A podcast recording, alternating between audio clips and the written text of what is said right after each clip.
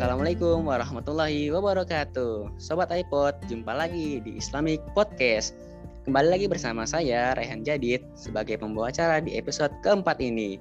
Oke, uh, setelah sebelumnya kita membahas ter terkait dengan hidup mulia dengan Al-Quran Di bulan suci Ramadan ini tentunya.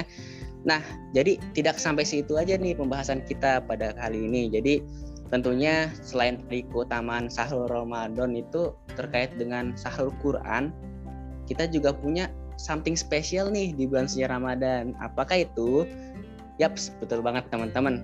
Jadi terkait dengan Laylatul Qadar, di, mana malam ini lebih baik kemuliaannya daripada seribu bulan gitu kan. Kebaikannya plus plus nih teman-teman. Nah uh, terkait dengan Laylatul Qadar nih teman-teman, terkait uh, kapan malam tersebut datang hingga kita dapat melaksanakan amal-amal soleh kita yang tentunya balasannya masya Allah banget ya seribu kebaikan dari tiap-tiap bulan.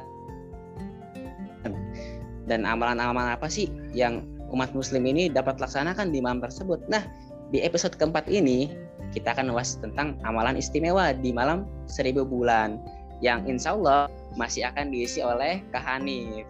Oke uh, sebelumnya Kak Hanif sudah terhubung? Ya Alhamdulillah. Jadi sudah terhubung. Alhamdulillah. Baik, uh, tanpa berpanjang kalam, mari kita langsung saya simak dari Kak Hanif. Terima kasih. Lanjut Kak Hanif, silahkan.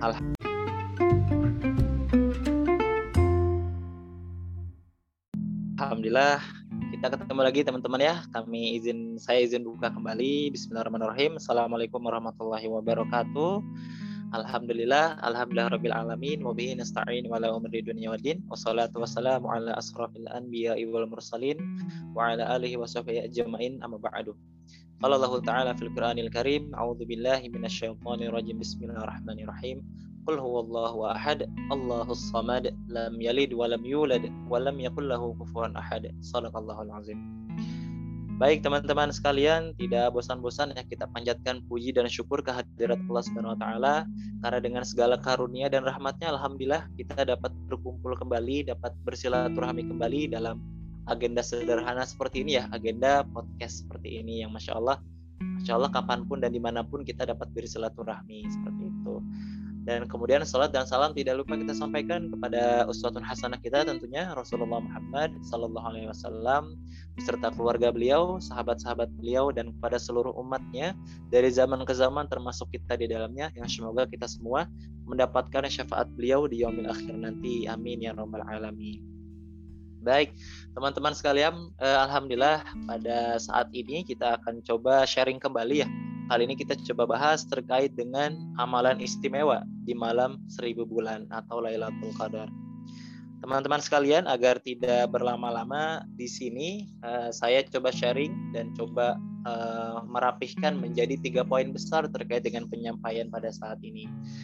Yang pertama yaitu kita akan coba bahas terkait dengan sebenarnya apa itu malam Lailatul Qadar secara pengertian gitu ya. Sebenarnya apa sih Lailatul Qadar itu? Kemudian yang kedua, kapan gitu ya. Kapan Lailatul Qadar itu hadir gitu. kapan kita bisa bertemu dengan Lailatul Qadar? Nah itu juga akan kita bahas. Dan poin ketiga adalah amalan apa yang akan kita lakukan ketika malam Lailatul Qadar nanti seperti itu. Jadi paling tidak ada tiga poin besar yang akan kita coba uh, sharing di sini seperti itu. Baik, kita uh, coba masuk kepada poin yang pertama para teman-teman sekalian yang dirahmati Allah Subhanahu wa taala yaitu terkait dengan pengertian dari malam Lailatul Qadar itu sendiri. Sebenarnya apa itu Lailatul Qadar? Nah, um, kalau kita berbicara soal bulan Ramadan gitu ya, yang kita tahu bahwa bulan Ramadan itu adalah bulan yang sangat istimewa, bulan yang mulia di mana setiap amalan kebaikan itu dilipat gandakan gitu ya. Nah, dari sekian banyaknya hal yang uh, berlipat ganda gitu ya, hal-hal kebaikan yang ada di bulan Ramadan ini, ada satu momentum di mana memang momentum yang sangat ditunggu-tunggu oleh kaum muslimin gitu ya, oleh umat Islam yaitu momentum malam Lailatul Qadar ini. Saking istimewanya gitu ya, ini menjadi sesuatu yang ditunggu-tunggu gitu oleh kaum muslimin. Nah, kita coba bahas uh, Lailatul Qadar ini secara bahasa ya. Ini menurut uh, Profesor uh, Quraisy Shihab ya. Beliau mengatakan bahwa uh, ada tiga ya, ada tiga pengertian dari kata qadar ini ya Lailatul itu malam Qadar ini ada tiga pengertian Apa saja? Yang pertama yaitu qadar itu bisa diartikan sebagai penetapan dan pengaturan gitu ya di mana malam ini menurut uh, Profesor Quraisy adalah ini adalah malam uh, penetapan Allah bagi perjalanan hidup manusia. Gitu ya, ini adalah malam penetapan gitu ya bagi perjalanan hidup manusia di mana ini adalah malam turunnya Al-Qur'an. Dan ini untuk istilah dari qadar uh, yang artinya penetapan ini ada di surat Ad-Dukhan ayat 3 sampai 5. Kemudian yang kedua, menurut Profesor Quraisy Shihab eh, terkait dengan pengertian qadar ini, qadar itu artinya adalah kemuliaan. Apa maksudnya kemuliaan? Kemuliaan ini maksudnya adalah karena malam ini adalah malam yang dipilih untuk turunnya Quran. Ya, jadi ini adalah malam turunnya Quran nih. Jadi menjadi malam yang mulia. Dan ini eh, kata dari qadar yang artinya kemuliaan itu ada di surat Al-An'am ayat 91. Dan yang terakhir menurut Profesor Quraisy dikatakan bahwa pengertian dari qadar ini adalah sempit gitu ya. Kenapa diartikan sempit? Karena eh, pada malam ini gitu ya, ada begitu banyak malaikat yang turun ke bumi gitu ya, saking banyaknya malaikat yang turun ke bumi jadi bahasanya jadi sempit nih bumi ini, saking banyaknya malaikat seperti itu ya yang menurunkan rahmatnya dari Allah Subhanahu wa taala untuk orang-orang yang beriman dan untuk hamba-hamba Allah seperti itu. Dan untuk ini ya, untuk kata sempit ini dari Lailatul Qadar itu ada di surat Al-Qadar ayat 4 seperti itu. Baik teman-teman sekalian, itu adalah pengertian uh, secara bahasa gitu ya terkait dengan Lailatul Qadar. Kalau kita mau lebih mudah lagi, kita bisa baca di surat Al-Qadar ayat 1 sampai 5 seperti itu. Misalnya kita coba bacakan ya. Bismillahirrahmanirrahim. Inna anzalnahu fi lailatul qadar. Sesungguhnya kami telah menurunkan Al-Qur'an pada malam kemuliaan atau malam Lailatul Qadar. Wa ma adraka ma Lailatul Qadar. Dan tahukah kamu apakah malam kemuliaan itu atau apakah Lailatul Qadar itu? Kemudian dijelaskan lagi di ayat ketiganya. Lailatul Qadar khairum min alfi syahr pada malam itu ya pada malam kemuliaan itu itu lebih baik daripada seribu bulan. Ya. Jadi seribu bulan itu kalau kita hitung sekitar 80 tahun teman-teman. Jadi kalau kita ibadah di malam itu itu sama saja seperti kita ibadah selama 80 tahun masya Allah gitu ya. Umur kita saja belum tentu sampai 80 gitu tapi ibadah kita bisa terhitung sampai 80 tahun ketika kita beribadah di malam itu seperti itu. Saking istimewanya malam Lailatul Qadar. Kemudian di ayat keempatnya, tanazzalul malaikatu warruhu fiha biidni rabbihim min kulli amr. Pada malam itu turun malaikat-malaikat dan malaikat Jibril dengan izin Tuhannya untuk mengatur segala urusan. Nah, jadi banyak malaikat yang turun nih untuk mengatur segala urusan untuk merahmati kita gitu, merahmati kaum muslimin. Tentunya dengan rahmat Allah Subhanahu wa taala. Dan ayat terakhirnya salamun hiya hatta matla'il fajr. Malam itu penuh kesejahteraan sampai terbit fajar. Masya Allah. Jadi dari surat Al-Qadar ini kita sudah bisa tahu bahwasanya uh, malam Lailatul Qadar ini adalah malam yang sangat mulia, gitu ya. Malam seribu. Kemudian malam turunnya Al-Qur'an juga gitu. Kemudian malam turunnya para malaikat dan malaikat Jibril juga untuk mengatur segala urusan dan menurunkan rahmat Allah Subhanahu wa taala. Insyaallah gitu. Dan pada malam itu penuh dengan kesejahteraan gitu ya sampai pada terbit fajarnya. Jadi kalau kita mau mengetahui gitu ya memahami arti dari dari malam Lailatul Qadar itu kita cukup dengan membaca Al-Qadar ayat 1 sampai 5 insya Allah kita sudah sudah tergambar gitu ya terkait dengan pengertian Lailatul Qadar. Baik teman-teman sekalian, itu mungkin sekilas dari uh, pengertian dari Lailatul Qadar. Sekarang kita coba masuk kepada kedua, teman-teman yang dirahmati Allah taala. Kira-kira kapan datangnya Lailatul Qadar ini? Ya. Sebenarnya ada banyak hadis yang meriwayatkan terkait dengan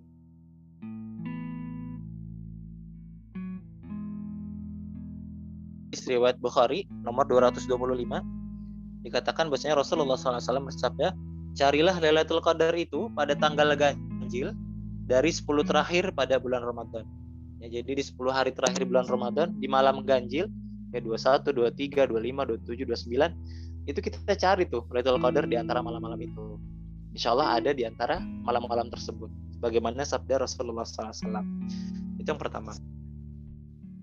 Kemudian yang kedua misalnya uh, dalam hadis lain Ibnu Abbas uh, meriwayatkan bahwasanya Rasulullah SAW bersabda bahwasanya Lailatul Qadar itu adalah malam tentram dan tenang, tidak terlalu panas dan tidak pula terlalu dingin. Esok paginya matahari terbit dengan sinar lemah yang berwarna merah. Nah, di sini juga ada eh, kondisi-kondisi yang menggambarkan bagaimana Lailatul Qadar itu akan terjadi. Ya, ini juga salah satu tanda-tandanya yang harus kita cari. Nah, kemudian juga um, dalam buku Ustadz Ahmad, ya Ustadz Ahmad LCMA, dalam bukunya yang judulnya Jaminan Mendapat Lailatul Qadar, beliau mengatakan bahwa tanda seorang hamba dapat e, merasakan Lailatul Qadar, ya itu adalah dengan dia itu merasakan kelezatan ibadah pada malam uh, pada malam harinya pada malam itu ya. Jadi dia merasakan sebuah kelezatan ibadah pada malam itu. Nah ini juga salah satu tanda malam Lailatul Qadar. Nah, namun da dari Imam At-Tabari pernah mengatakan bahwa uh, seorang muslim bisa saja mendapatkan Lailatul Qadar keutamaannya gitu ya tanpa ia merasakan atau tanpa dia mendengar tanpa melihat gitu. Itu juga bisa terjadi. Artinya Lailatul Qadar ini malam yang mulia ini gitu ya itu memang harus kita cari gitu ya harus kita coba maksimalkan untuk bisa ketemu dengan malam tersebut gitu jangan sampai uh, kita lengah gitu ya dengan kehadiran Lailatul Qadar gitu dan ada banyak hadis lainnya gitu ya yang uh, berbicara soal Lailatul Qadar ini. Nah, kemudian kita coba berhikmah gitu ya. Kita coba berhikmah kenapa sih uh, waktu dari Lailatul Qadar ini tidak disampaikan gitu. Nggak dikasih tahu kira-kira uh, tanggal berapa ya atau hari apa atau di malam keberapa. Kenapa nggak dikasih tahu langsung satu hari Lailatul Qadar itu ada di hari ini loh gitu. Kenapa tidak dikasih tahu? Kenapa dirahasiakan? ternyata itu semua tentu ada hikmahnya teman-teman sekalian yang dirahmati Allah Subhanahu wa taala. Pertama hikmahnya tentu untuk uh, menyemarakan semangat gitu ya, semangat berlomba-lomba dalam mencari kebaikan, dalam mencari Lailatul Qadar. Ya, karena kalau misalnya kita sudah dikasih tahu gitu ya Lailatul Qadar nih di tanggal ini, di tanggal 21 misalnya. Ya udah kita datang ke kita fokus ibadah, kita giat ibadah di tanggal itu aja. Tanggal setelahnya kita kendor lagi gitu ya. Tapi memang dirahasiakan supaya kita semangat gitu ya untuk mencari malam tersebut.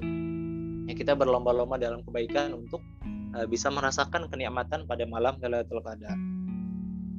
Kemudian teman-teman hikmah yang kedua kenapa Lailatul Qadar dirahasiakan itu adalah karena uh, untuk membuktikan keimanan kita. Gitu ya.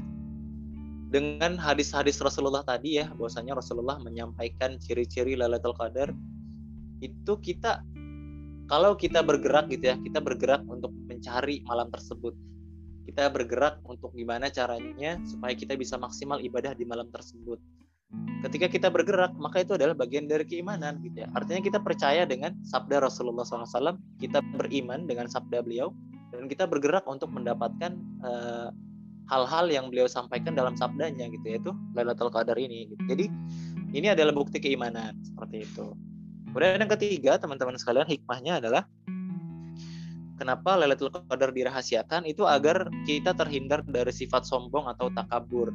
Ya, kalau misalnya Lailatul Qadar itu udah dikasih tahu tanggalnya, misalnya tanggal 21 gitu ya, 21 Ramadan. Nah, nanti orang-orang bisa jadi gitu ya, bisa jadi orang-orang yang ibadah pada malam itu itu merasa bangga dengan dirinya gitu ya. Oh, gua uh, ibadah dong di malam Lailatul Qadar nggak kayak orang orang di depan rumah tuh yang nggak ngapa-ngapain misalnya. Nah kita untuk menghindari hal-hal seperti itu, walaupun itu memang adalah hal yang memang seharusnya tidak dilakukan ya, uh, walaupun Lailatul Qadar dikasih tahu sekalipun. Tapi ini adalah mungkin cara Allah untuk bisa menghindarkan kita dari sifat sombong dan takabur. Dan yang terakhir tentunya hikmahnya adalah membiasakan diri kita untuk qiyamul ya kita bisa lihat orang-orang berbondong-bondong ke masjid untuk itikaf, untuk sholat tahajud gitu ya, untuk sholat uh, malam, ya mulail, untuk zikir dan lain sebagainya, rela bangun malam gitu ya, untuk bertemu dengan Allah, untuk menemukan Lailatul Qadar itu tadi, malam yang utamanya luar biasa gitu ya. Jadi itu adalah hikmah kenapa Lailatul Qadar dirahasiakan terkait dengan kapannya akan akan ketemu dengan kita seperti itu. Dan yang terakhir teman-teman sekalian, kita coba masuk poin yang ketiga yaitu adalah amalan apa saja sih yang bisa kita lakukan di malam Lailatul Qadar ini. Malam yang sangat mulia ini gitu ya. Yang pertama tentunya adalah memperbanyak doa. Ya kita siapkan mungkin doa-doa terbaik kita, kira-kira target kita di dunia ini apa saja gitu ya. Target kita di akhirat apa saja gitu. Itu bisa disampaikan kepada Allah Subhanahu wa taala. Insyaallah. Allah akan kabulkan. Sebagaimana firman-Nya ud'uni astajib lakum. Berdoalah kepadaku niscaya aku kabulkan doa kalian. Seperti itu. Kemudian yang kedua misalnya adalah memperbanyak baca Quran ya. Sebagaimana para ulama dan para salaf saleh terdahulu di bulan Ramadan menghatamkan Al-Quran berkali-kali gitu ya. Termasuk di malam Lailatul Qadar di malam di 10 malam terakhir ya. Kemudian misalnya yang ketiga uh, yang bisa kita lakukan adalah sholat sunnah tentunya. Yang keempat kita bisa itikaf ya berdiam diri di masjid dengan zikir dengan membaca Quran dengan istighfar gitu ya dengan sholawat dan lain sebagainya. Kemudian yang berikutnya kita bisa bersedekah di malam Lailatul Qadar gitu ya. Di malam itu mungkin kita bisa um, memasukkan harta kita ke dalam kotak amal misalnya ya atau kita transfer sekarang kan udah banyak ya transfer uh, sedekah gitu melalui lembaga kemanusiaan melalui lembaga zakat itu bisa dilakukan di malam-malam ganjil. Insya Allah semoga di malam tersebut ketika kita bersedekah gitu ya dengan maksimal insya Allah semoga itu adalah uh, bisa jadi itu adalah malam Lailatul Qadar gitu. Masya Allah nanti pahalanya berlipat ganda. Amin ya rabbal alamin. Uh, dan yang terakhir adalah uh, yang terakhir adalah terkait dengan uh, yang bisa kita lakukan adalah tentunya bermuhasabah gitu ya. Di setiap malam uh, Lailatul Qadar ya di malam ganjil di 10 malam terakhir kita bermuhasabah. Kita bertobat pada Allah atas segala kesalahan yang kita pernah lakukan mungkin ada hal-hal yang kita tidak sengaja dan kita menyakiti orang lain misalnya kita menyakiti Allah misalnya kita lalai dengan ibadah kita dan lain sebagainya itu kita muhasabah di malam itu. Semoga Allah ampuni segala kesalahan dan dosa kita. Dan yang terakhir teman-teman sekalian uh, terkait dengan uh, muhasabah ini ya terkait dengan Ramadan yang sebentar lagi akan habis teman-teman sekalian. Yang mungkin tersisa kurang dari 10 hari lagi ya kurang dari 10 bahkan. Kita menuju Idul Fitri. Mari kita manfaatkan waktu yang tersisa ini dengan sebaik mungkin teman-teman sekalian. Karena waktu ini terus berjalan waktu tidak akan berhenti bahkan sedetik pun gitu ya. Waktu akan terus memangkas umur kita waktu akan terus memangkas kesempatan kita dalam melakukan kebaikan-kebaikan. Jadi sayang kalau tidak dimaksimalkan untuk bulan Ramadan ini. Sebagaimana Ibnu Qayyim Al-Jauziyah pernah mengatakan bahwasanya kalau kita tidak disibukkan dengan hal-hal yang baik, maka pasti kita akan disibukkan dengan hal-hal yang batil atau hal-hal yang buruk. Jadi mari kita maksimalkan waktu yang tersisa dengan baik. Semoga Allah mudahkan kita untuk bisa bertemu gitu ya dan merasakan lezatnya malam Lailatul Qadar bersama dengan zikir kita, bersama dengan ibadah kita yang maksimal, bersama dengan niat lurus kita untuk bertemu Allah Subhanahu wa taala dan juga keinginan kita untuk bisa menjadi hamba Allah yang taat kepadanya. Amin ya rabbal alamin.